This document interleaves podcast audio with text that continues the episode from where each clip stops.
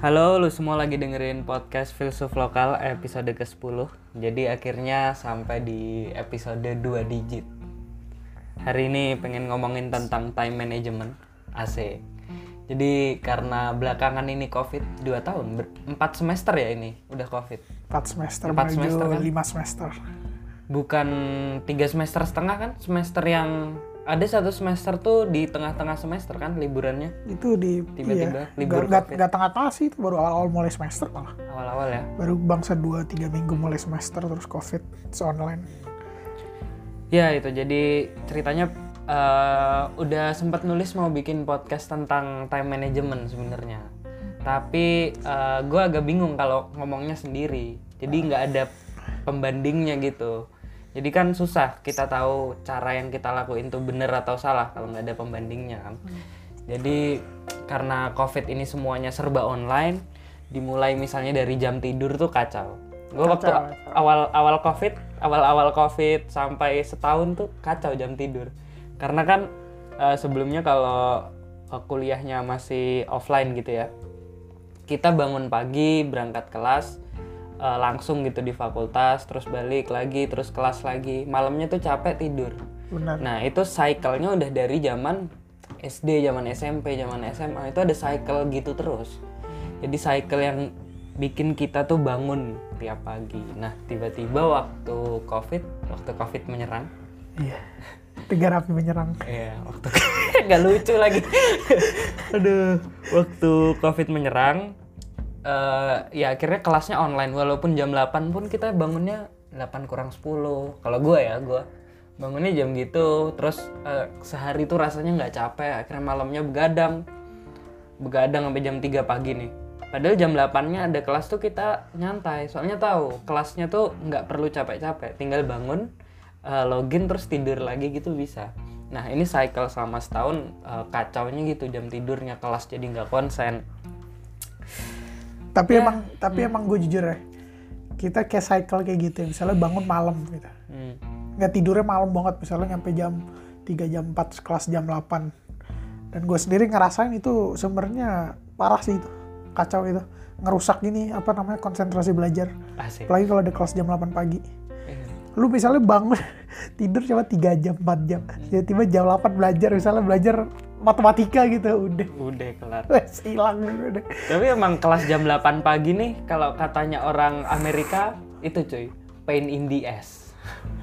Maksudnya istilahnya gitu. Emang kelas jam 8 nih pain in the ass banget. Kalau sebelumnya kan waktu offline enak aja kelas jam 8 bangun jam 7 jalan ke fakultas tuh suasananya seger, masih bangun baru bangun gitu. Cuman waktu Covid gini eh, datang-datang di kelas cuman login aja di kelas belum cuci muka belum sarapan belum ngapa-ngapain langsung lihat kayak nggak fokus gitu jadi Oh kadang-kadang kita kelas ambil tiduran. iya ambil bukan ambil tiduran lagi cuy ambil tidur Nggak pakai Bener-bener. an. Bangun pas ini doang pas lagi absen. absen kadang juga ada dosen yang nggak absen yang nggak absen jadi absennya tuh otomatis ke otomatis sistem gitu dari ya. sistem kan tapi ada dosen yang absen juga jadi ya selama covid ini eh, sebenarnya gue nih banyak belajar dari time management malah. Karena kepepet kalau manajemen waktunya nggak bener hilang semua. Benar. karena semua aktivitas kan dipindah online. Ya waktu awal-awal lihat semua hal dipindah online tuh eh, respon pertama tuh ngegampangin gitu rasanya. Kayak Benar, ah benar. tinggal login ah tinggal gini tinggal gini. Akhirnya ya kelupaan. Gua awal-awal awal-awal itu awal-awal kuliah online ujian nggak bangun cuy gue juga pernah sih. Kalau gue bukan gak bangun gue. Jadi gue kan gini. Jadi pelajaran gue tuh kan ujiannya dipisah banyak gitu ya. Nah kurang lebih UTS ada 3-4 kali ya waktu itu satu pelajaran. Nah UTS itu selalu malam dulu. Jam 8 malam gitu. Nah kan kalau UAS kan udah dijadwal ya. ya dijadwal Nah, gue mikir gini, ini jadwal kayaknya buat yang hadir. Maksudnya pas zaman pas hadir gitu, pas Oh, offline. pas, pas offline Gue kira pas online ini mungkin sesuai sama UTS-UTS yang sebelumnya malam. Hmm. Udah gue jam 8 pagi, gue masih tidur tuh. udah 10 menit, terus gue lihat kan ujian, ternyata udah ujian. udah lewat 10 menit aja. Tapi masih mending Tapi anu, bangun gua, iya. iya masih ikut gue bangun malam. udah kelar cuy ujian padahal itu di Indonesia loh Jadi kan eh, waktunya pakai jam Iran. Jam 8 pagi waktu Iran. Waktu itu di Indonesia jam 11.30. Nah, di Indo nih kalau mau jam tidur kacau bisa kacau. Pulang nongkrong jam 6 pagi. Pulang nongkrong jam 7, tidur bangunnya sore gitu. Padahal kelas jam kelas siang aja bisa nggak bangun gitu saking kacaunya jam tidur. Nah itu time time management terus kan itu baru hadir untuk kelasnya atau hadir untuk ujiannya ya. Belum lagi kita nyempetin waktu untuk belajar dari sumber yang online. Itu kan harus nyempetin waktu juga. Kalau dulu kan di dalam kelas kan jelas lah kita disuapin sama dosennya. Materinya tuh kita disuapin. Ini pelajarannya ini A B C. Dia ngasih tahu kita tatap muka. Jadi enak ngeluangin waktunya. Tapi waktu serba online gini mau ujian pun malas buka bukunya karena yang gampangin tadi ah Ngeremehin, iya benar. waktu ujian bisa nyontek Iya benar. bisa lihat internet jadi kan kayak eh, semua jadwal atau barnome pokoknya jadwal-jadwal yang kita udah terbiasa tuh jadi hilang semua gitu tips-tipsnya apa Rik kalau dari lo Rik? atau how how did you survive these two years? Ya kalau gue itu sih pertama nggak nggak ngegampangin. Karena gue ngerasain sendiri ya misalnya kayak lu ujian ngegampangin gitu ya, yang kayak yang ntar bisa nyontek segala macem itu nggak bisa. Karena dosen itu udah tahu dia. Jadi di ketika ujian online itu dia tahu kalau misalnya pelajar-pelajar ini pertama bisa buka buku kalau bisa nyari-nyari internet. Karena dia yang dia buat apa? Dia buat waktu ujiannya didikitin. Dibuat sebentar nah kalau kita misalnya apa namanya beranggapan bahwa misalnya oh ntar kita bisa sambil ngelihat buku segala macam belajarnya udah nggak usah belajar belajar ntar pas ujian sekalian baca gitu kan. Nah itu udah nggak bisa tuh. Lu gagal ujian udah tuh. Karena lu misalnya lu nyari aja di buku nih. Kadang-kadang kan banyak nggak ada ya. Terus lu nyari-nyari di internet itu terlalu makan waktu aja buat ujian. Ya dan kalau ada pun uh, it takes time like five minutes iya terus lu mesti nge-search dulu. Terus terus ada ada waktunya kan jadi panik segala macam kan anjir ya, jadi ya itu sih kalau menurut gue sih ya pertama jangan ngeremehin tetap dianggap aja seperti kayak kita offline gitu loh anggap aja kayak kita nggak ada buku pas ujian jadi belajarnya tetap dibuat kayak kita dulu offline pas sebelum ujian misalnya Iya sih bener sih dosen tuh tahu ya. Kayak gue uas kemarin nih, uas kemarin tuh soalnya esai. Tapi dosennya cuma ngasih waktu 2 menit per soal. Jadi soalnya ada 15, waktunya setengah jam. Padahal esai. Jadi ya nggak nggak mungkin sempat searching. Mungkin. Harus udah tahu jawabannya. Terus eh, tinggal nanti waktu ujian tuh kita merangkai kata gitu. Tinggal ngetiknya kan. Karena ya kalau eh, dan soalnya tuh nggak mungkin kayak kalau eh, soshum ya atau sosial humaniora kan nggak mungkin soalnya kayak siapakah atau kapan yang jawabannya tuh isian singkat gitu pasti jawabannya tuh pasti mengapa? Coba jelaskan. yang jadi itu yang tuh nggak iya panjang. nggak ada di buku juga itu di search juga. Ada. Dari buku ada. Highlight highlightnya kan bisa tapi harus pakai kata-kata kita sendiri dan nggak mungkin kita ingat kata per katanya kan. Walaupun di buku ada pun ya itu eh, dan kita kan kuliah nggak kayak waktu SMA kalau SMA mungkin satu buku udah cukup benar-benar kalau waktu kuliah ini buku tuh cuman salah satu referensi aja Iya, referensi referensinya ada banyak soalnya. Dan emang, iya emang gue setuju sih emang kalau kuliah tuh nggak bisa referensi dari satu buku doang. Harus banyak referensi bukunya emang.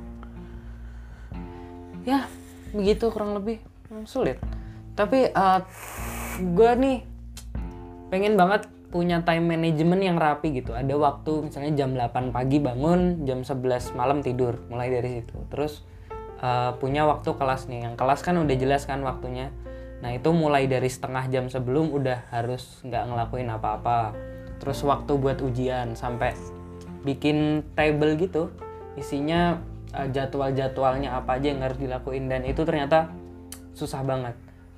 gue punya temen Rick di Jogja. Dia kuliahnya nggak di Jogja sih, cuman belajarnya dari dia. Dia nih ke mana-mana bawa notebook dan di notebooknya itu isinya eh, jadwalnya dia, deadline deadline, to do listnya semuanya lengkap gitu. Dan dia bisa rapi gitu berpikirnya. Soalnya kalau nggak ditulis nih, nggak tahu kenapa kalau gue nih pasti kacau gitu pola berpikirnya. Nanti baru ngerjain tugas tiba-tiba WhatsApp ada notifikasi organisasi langsung ngurus organisasi. Dari organisasi lagi digarap terus tiba-tiba keinget tadi yang kuliah belum selesai nih. Jadi chaos terus ada tiba-tiba lihat uh, pop out dari YouTube ada video baru dari channel yang gue suka tonton akhirnya berantakan banget gitu nggak tahu apa Kalau kalau kalau saran gue nih ya, saran gue. Pertama nih lu ini apa namanya? Harus bisa memisahkan mana yang emang sesuatu yang sangat penting harus dilakukan, sesuatu yang penting aja, sama sesuatu yang nggak penting.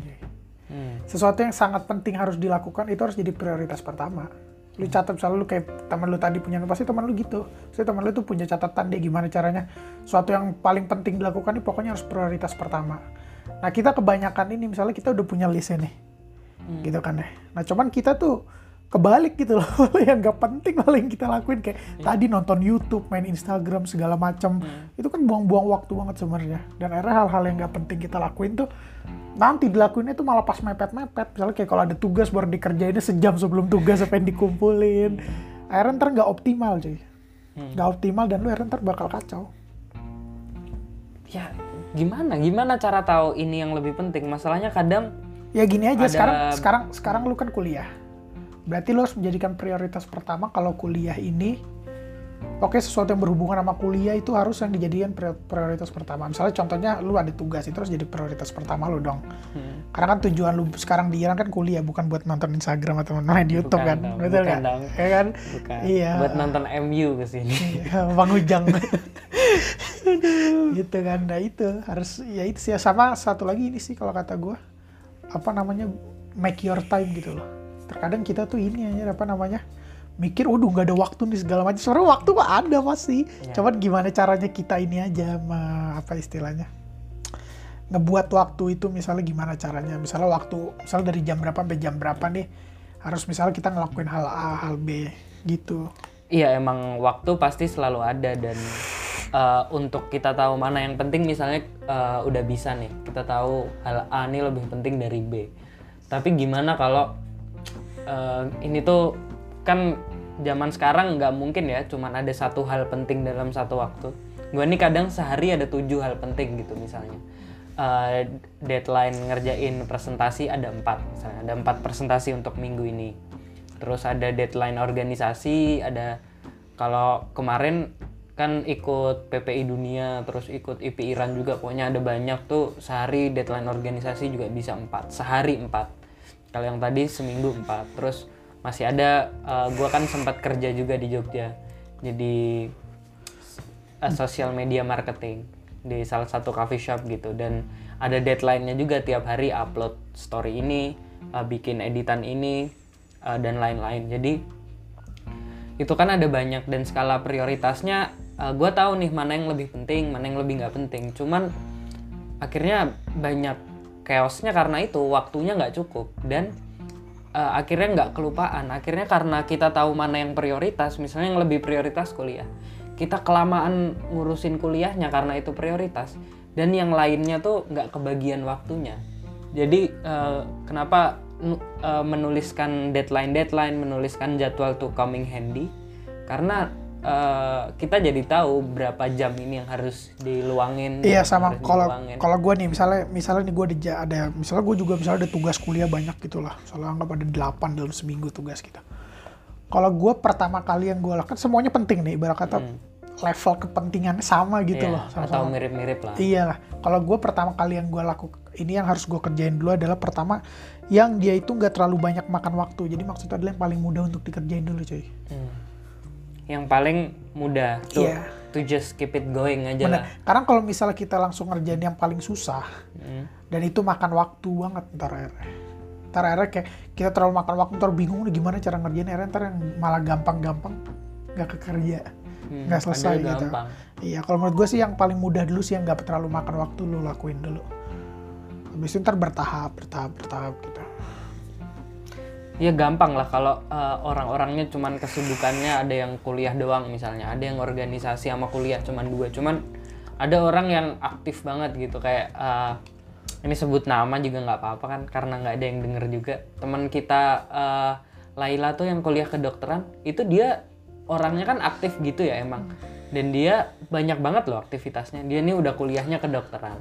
Terus waktu tahun awal-awal covid tuh dia jabat di dua tempat jadi sekretarisnya PPI kawasan Timur Tengah, sekretaris IP Iran, terus dia juga ikut lomba-lomba speech kayak kemarin kan itu kan kayak ada banyak banget gitu. Belum dia udah tunangan kan waktu itu. Jadi kayak banyak gitu dan uh, bisa ngebagi waktunya gitu. Dan itu keren banget karena tantangannya tuh bukan gimana kita uh, punya mempersedikit pekerjaan supaya nggak pusing tapi mengolah banyak pekerjaan supaya efektif kan? Benar. uh, tantangannya di situ. Dan ya suka banget sih belajar sama orang-orang kayak gitu dan nggak enak. Tapi kalau mau nembak kayak "Eh, lu belajarnya gimana lah? Nggak enak. Jadi uh, observe uh, observe aja sih. Kalau gua mah ya covid. Anjing banget emang. Bangsat emang covid banyak banget apa ya? Tapi ya diambil pelajarannya ada itu juga nyantai. Terus eh, selain itu covid juga ngajarin kita buat hidup bersih. Ya kan? Kita jadi hidupnya bersih lah. Iya, karena dikit-dikit hand sanitizer, cuci tangan. cuci tangan pakai masker. Benar. terus eh, batuk nggak ditutup tuh udah jadi hal yang tabu. Kalau dulu kan batuk uh uh keluar keluar orang nyantai gitu. iya, kalau sekarang sampai ditutup pakai mu- tangan dulu jadi masker maskernya ditutup tangan. Terus tangannya ditutup ketek gini. Puh. gitu doang. Jadi malu gitu orang batuk. Gak kayak waktu itu ada bapak-bapak yang sekarang S3 itu kan. Datang-datang ke hotel. Wow, wow, wow, dari luar negeri. Penjaganya juga panik aja nih. penjaganya panik. Ya Allah. aduh. Penjaganya panik dianya panik kitanya juga panik Nanya ke gua terus kan. Gua juga gak tahu. gua dokter nih. Aduh. Tapi iya kalau kalau si teman kita yang kemarin barusan pulang liburan tuh itu kan dia kemarin ujian tapi harus ngul karena nilainya nggak mencukupi harus ngulang enam bulan lagi ya. Kira-kira eh, dia ini karena belajarnya kurang atau karena apa? Kalau menurut gue sih karena time manajemennya tadi. Bisa jadi sih, bisa jadi benar. Gimana kalau lihat doi? Kalau lihat doi sih kayaknya bisa jadi sih time manajemennya. Time manajemennya kurang dia nggak bisa terlalu ini kayaknya ngatur waktunya. Terus itu tadi melakukan hal yang gak penting tuh dijadiin prioritas ketimbang hal yang penting. Akhirnya gitu, akhirnya ini apa kepepet waktunya, dikit waktunya. Akhirnya kurang belajar dan yang terjadi adalah fail ujiannya. Tapi kadang kita nyusun skala prioritas tuh juga salah loh. Gini, salahnya kayak tadi kan udah kita sebut juga. Kita tahu nih prioritas yang harus diselesaikan pertama yang mana. Misalnya A nih, A nih yang paling prioritas. Tapi ngerjain A ini butuh waktunya lama dan ini bikin capek. Nah, akhirnya eh, kita cuman ngerjain A, sementara kerjaan tuh ada A sampai Z nih. Nah, yang B sampai Z akhirnya nggak jadi dikerjain gitu karena kita udah burn out di kerjaan yang A. Makanya penting juga kita buat nulis, ditulis apa aja nih yang harus dikerjain. Jadi walaupun A belum selesai nih, kalau kata gue ya, eh, kita harus ngeluangin waktu misalnya buat tadi pekerjaan A 2 jam. 2 jam nggak selesai tinggal aja. Lanjut ke yang lain dulu. Benar-benar setuju gue setuju. Karena kalau kita mikirin itu terus ter nggak efektif jadinya. Hmm. Akhirnya terlalu kepikiran ter lu akhirnya nggak konsentrasi gitu. Nggak bisa dikerjain akhirnya. Kalau gue gue misalnya pernah kayak gitu tuh misalnya ada satu tugas yang gue nggak bisa bisa ngerjain. Gue gue tinggalin tuh tugas. Terus misalnya gue atau misalnya istirahat dulu segala macam ngerjain tugas yang lain. Ntar misalnya lanjut lagi ke tugas itu sehari setelahnya. Karena kalau dipaksain tuh ntar nggak efektif, karena nggak ada yang dikerjain ntar. Karena lu malah stres sendiri. Iya, stres. Kamu-kamu sama diri lu anjir nggak bisa-bisa gue. penting tolol kita eh, kalau gue sih biasanya nggak nyalahin gue sendiri sih gue orangnya blaming others jadi kalau ada tugas susah yang salah dosennya bukan gue jadi ada ada tugas nih gue nggak bisa ngerjain nih tapi gue bilang "Ah, anjing dosen ngasih tugas. Padahal sebenarnya aslinya salah kita itu. Karena kita nggak dengerin di kelas sama gimana, tapi kan ngerjain. lebih gam- enakan blaming others kan? Karena Bener, kita ya. udah capek-capek kok nggak bisa dikerjain. Ya udah nyalain orang aja ngapain? Kita nggak salah cuy. Kita udah berusaha gitu. Ngapain ngapain? Rek HP di mute rek. Bunyi emang. bunyi cok dua kali cok kan bener kan ya tapi kalau bahas eh, time management tuh asik banget kalau sama orang yang sebenarnya udah lulus misalnya siapa ya uh, sama Mbak Hesti karena dia kan S1-nya udah kelar tuh di Iran. Uh, atau sama teman-teman di KUM kayak Ismail Amin, uh, Kak Haryati. Itu enaknya kenapa? Mereka tuh sambil nikah juga loh, sambil ngurusin anak loh. Bener-bener. Terus mereka juga aktif di organisasi.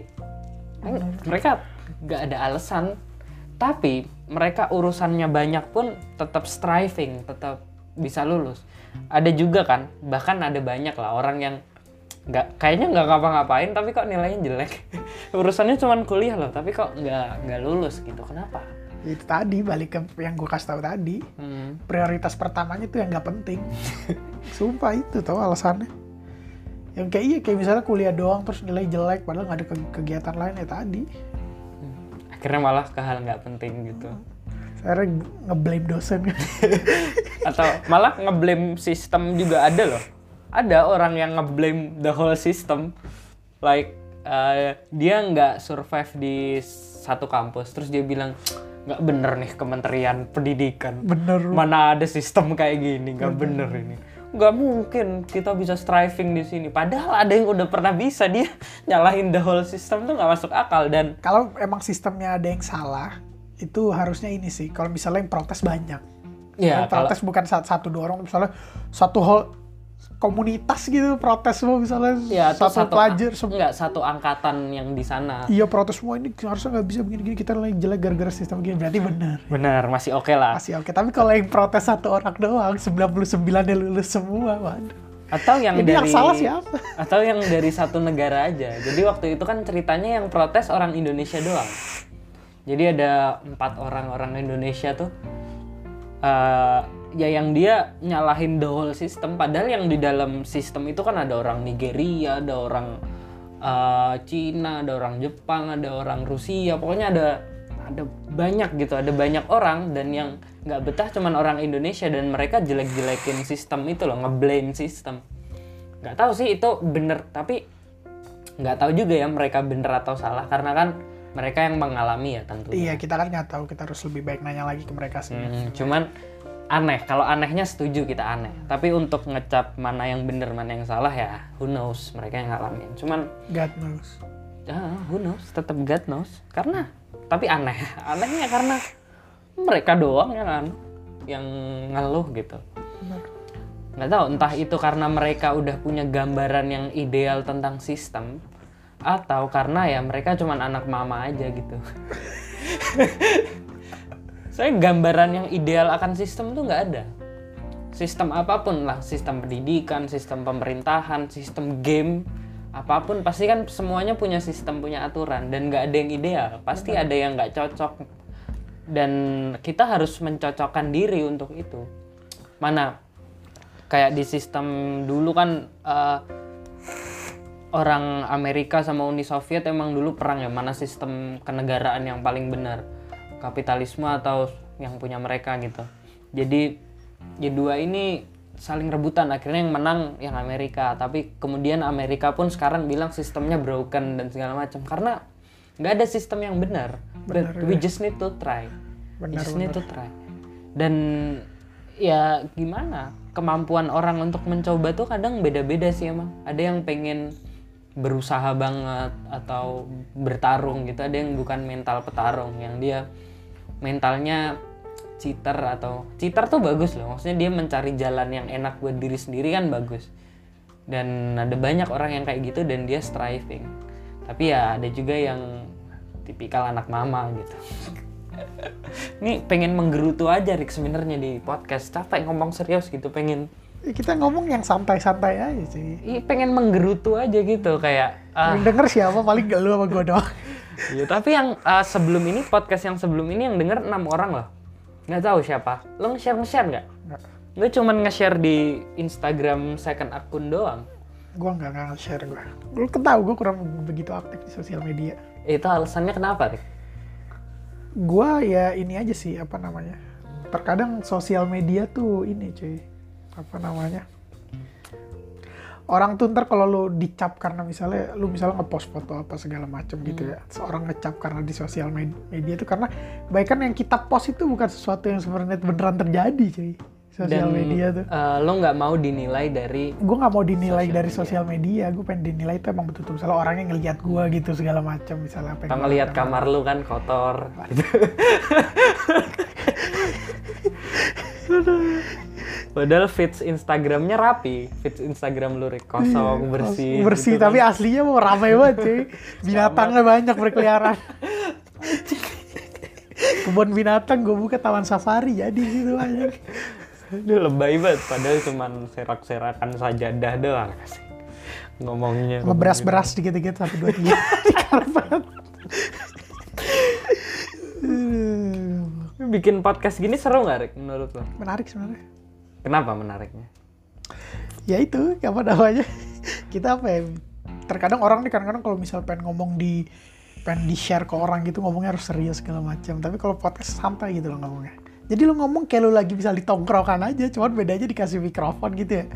Terus apa di share Dan di share-nya pun karena kita bukan orang terkenal, jadi kita nyantai-nyantai aja. iya benar. Mungkin kalau kita orang terkenal baru yang dia harus mikirin pendapat orang. Kalau kita kan mau ngomong apa?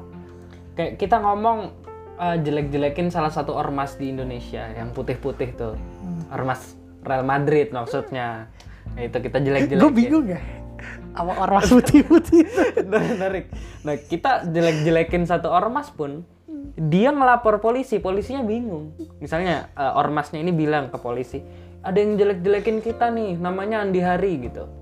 Eh, polisinya bakal bilang, lah Andi Hari sia- siapa? Terus case closed. Karena kita nggak terkenal, nggak bakal kenapa-napa gitu orang nggak terkenal tuh. Kalau beda lagi kalau yang bilang Coki Muslim misalnya atau Adriano Colby atau MLI semuanya bilang kayak gitu pasti mereka akan kenal karena terkenal. Terus gimana tadi ormas Real Madrid lucunya apa? ini apa namanya dulu di pas kasus pertama kali para sponsor supporter Real Madrid ini. Pada protes dulu kasus zaman deh. Eh, gubernur-gubernur itu. Sekarang ada kasus pemerkosaan santri itu diem-diem aja. Mana ini? Ininya protes-protesnya. Aduh karena ya mereka waktu itu eh, supporter ini protes karena ada kebutuhannya. Kalau ini cuman ada salah sa- ada satu orang nggak terkenal dan dia bahkan mencabuli berpuluh-puluh orang pun nggak ada untungnya buat mereka ngebahas kasus ini dan menjelek-jelekan satu orang ini apa apa untungnya buat mereka gitu nggak ada feedback langsung tapi waktu gubernur dilengserkan gitu kan misalnya ini kejadian di Venezuela jadi bukan di Bukan di Indonesia. Kolombia. di Venezuela ini bukan gubernur Kolombia. gubernur Venezuelanya waktu itu emang nah karena ormas supporter Real Madrid ini kan mereka butuh kebijakan-kebijakan yang menguntungkan mereka mungkin. Jadi mereka melengsarkan satu gubernur gitu. Waktu itu ya. Itu kayaknya tanggal cantik juga kan? Bener. 21 Februari apa 22 itu Wiro, Desember? Wiro Sableng. 212 ya? Waktu itu kalau nggak salah ya agak lupa juga. Iya gue juga gak lupa ya sih. Tapi itu jadi trademark nggak sih angka 212? Maksudnya itu jadi eh, copyright punya mereka bukan sih kalau kita sebut 212 apakah itu jadi punya mereka gitu? Apakah itu ya menyebutkan mereka, mereka? ya, ya mereka menganggap punya mereka itu Padahal 212 kan just a number gitu. Ini punya semua orang dan kita lagi bahas Nah, karena kebetulan karena mereka menganggap pada tanggal itu mereka melakukan sesuatu yang menurut mereka besar. Hmm. Menurut mereka adalah sesuatu part of the history gitu loh. Itu mungkin Real Madrid habis kalah sama Barca mungkin jadi agak Iya, kayaknya habis Ronaldo pindah itu kayaknya. habis. Hmm. Ya, ya. Eh kemarin emang Ronaldo pindah Februari juga bukan kan? Nggak tahu. Banget. Aduh. Ini udah 30 menit loh. Ternyata bikin podcast tuh kalau berdua enak. Gua kemarin nyoba bikin podcast tapi ngomong sendiri. Wah susah cuy. Akhirnya ya nggak ngomongin apa-apa gitu. Cuman bahas. Ya karena kalau sendiri tuh lu harus nyiapin ini nyari apa namanya? eh, apa yang pengen lo omongin sebelum-sebelumnya gitu loh. Kalau ini kan nggak, lu ngomong A terus gue balas B, terus muncul pembahasan baru C, terus lu balas lagi. Hmm, D, jadi itu apa namanya muncul mulu pembahasannya. Kalau sendiri tuh jatuhnya iya satu perspektif doang lu doang. Jadi harus lu siapin dari sebelumnya. Kalau pengen lama ngomongnya. Ini kalau cuma lima menit gitu. Saya gue pengen eh, latihan juga sih buat apa ya buat ngomong tuh flowingnya enak karena akhir-akhir ini emang gue disuruh uh, ngomong di depan umum gitu misalnya kemarin di Tehran gue disuruh kata sambutan kan masalahnya uh, public speaking di depan ada dua kolonel ada diplomat diplomat ada senior senior mahasiswa rame gitu kan kayak deg-degan kan gitu pasti akhirnya kalau gue bikin podcast nih, bikin podcast sendiri, itu udah nggak jelas kan ngomongnya ke mana-mana. Ini public speaking udah deg-degan, ke mana-mananya lebih gila cuy. Terus kemarin gue keceplosan bilang rumah saya nih uh, di deket batalion infanteri pak. nah itu jadi uh, Atau kasih alamat mau dikasih sumbangan apa gimana? nggak waktu itu pokoknya pengen cerita aja gitu tapi akhirnya gagal dan uh, bikin podcast gini buat ngajarin gitu biar flow omongannya enak jadi kita tahu gitu uh, step-step ngomongin yang enak tuh misalnya introductionnya gimana terus kalau seru tuh nada bicaranya gimana kalau waktu kita harus take back narik temponya biar agak santai gimana gitu kan uh, diambilnya kan dari praktis emang. itu emang gue butuh praktis gitu banyak gitu Ri. Bener. Nah, jadi uh, gitu aja episode kali ini. Sampai jumpa di podcast filsuf lokal episode berikutnya. Andi Hari dan Ferik signing out. Adios.